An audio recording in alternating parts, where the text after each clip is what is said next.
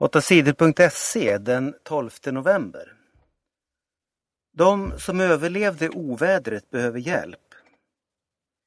Väldigt många människor dog i det fruktansvärda ovädret i Filippinerna. Hur många som dött vet ingen säkert än.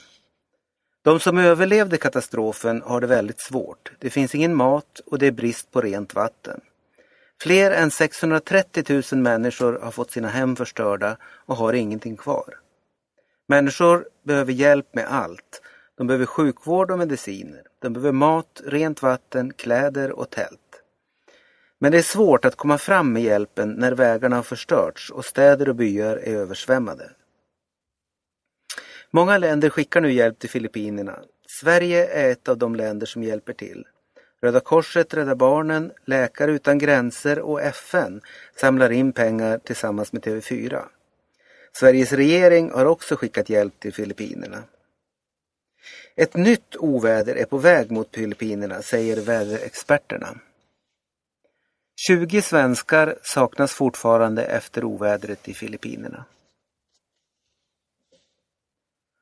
Zlatan och Lotta fick de finaste priserna. Zlatan Ibrahimovic är en av världens bästa fotbollsspelare. Att han är bäst i Sverige är självklart. På måndagens fotbollsskala fick Zlatan Guldbollen för åttonde gången. Guldbollen är priset till Sveriges bästa manliga fotbollsspelare. Han fick också pris för årets mål och årets anfallare. Det finns kanske en del som är trötta på att se mig ta emot priser. Men jag har en del mer att ta hem. Vi ses nästa år, sa Zlatan och log. Lotta Schalin vann Diamantbollen, priset till Sveriges bästa kvinnliga spelare. Hon fick priset för fjärde gången.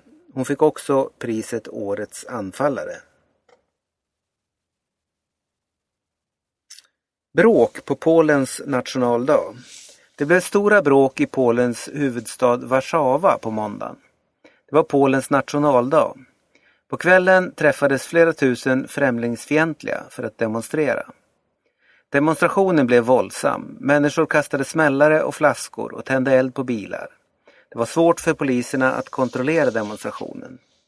Demonstranterna tände också eld på en stor regnbåge som stod i Warszawa. Regnbågen var en symbol för homosexuellas rättigheter. Det är tredje året i rad som det blir bråk på Polens nationaldag.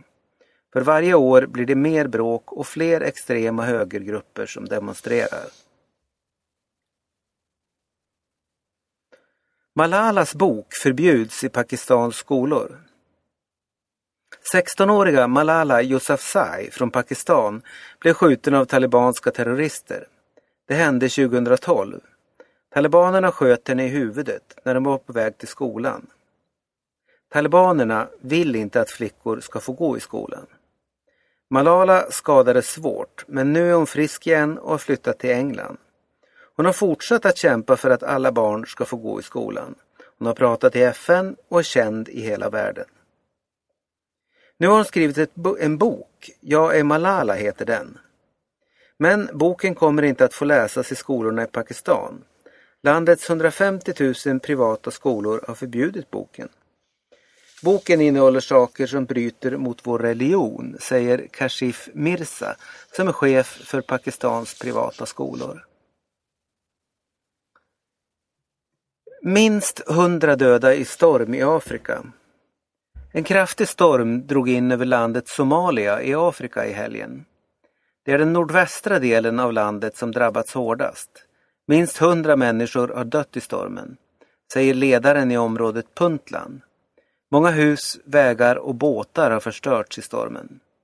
Puntlands ledare ber nu Förenta Nationerna, FN, om hjälp. Många människor saknas fortfarande efter ovädret. Experterna tror att dödssiffran kan stiga. Båtstrejken är slut. De som arbetar på färjor och båtar i Stockholms skärgård och i Göteborg har strejkat. De har strejkat bland annat för högre löner. Men nu är strejken slut. På måndagen kom företagen och facket överens om nya löner. De anställda kan börja arbeta igen och båtarna kan åka som vanligt. Sverige vill ordna vinter-OS. Sverige vill ordna vinter-OS år 2022.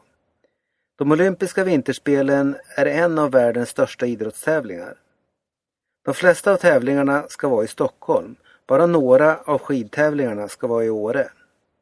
Flera länder tävlar om att få ordna OS. Det är inte säkert att Sverige vinner den tävlingen.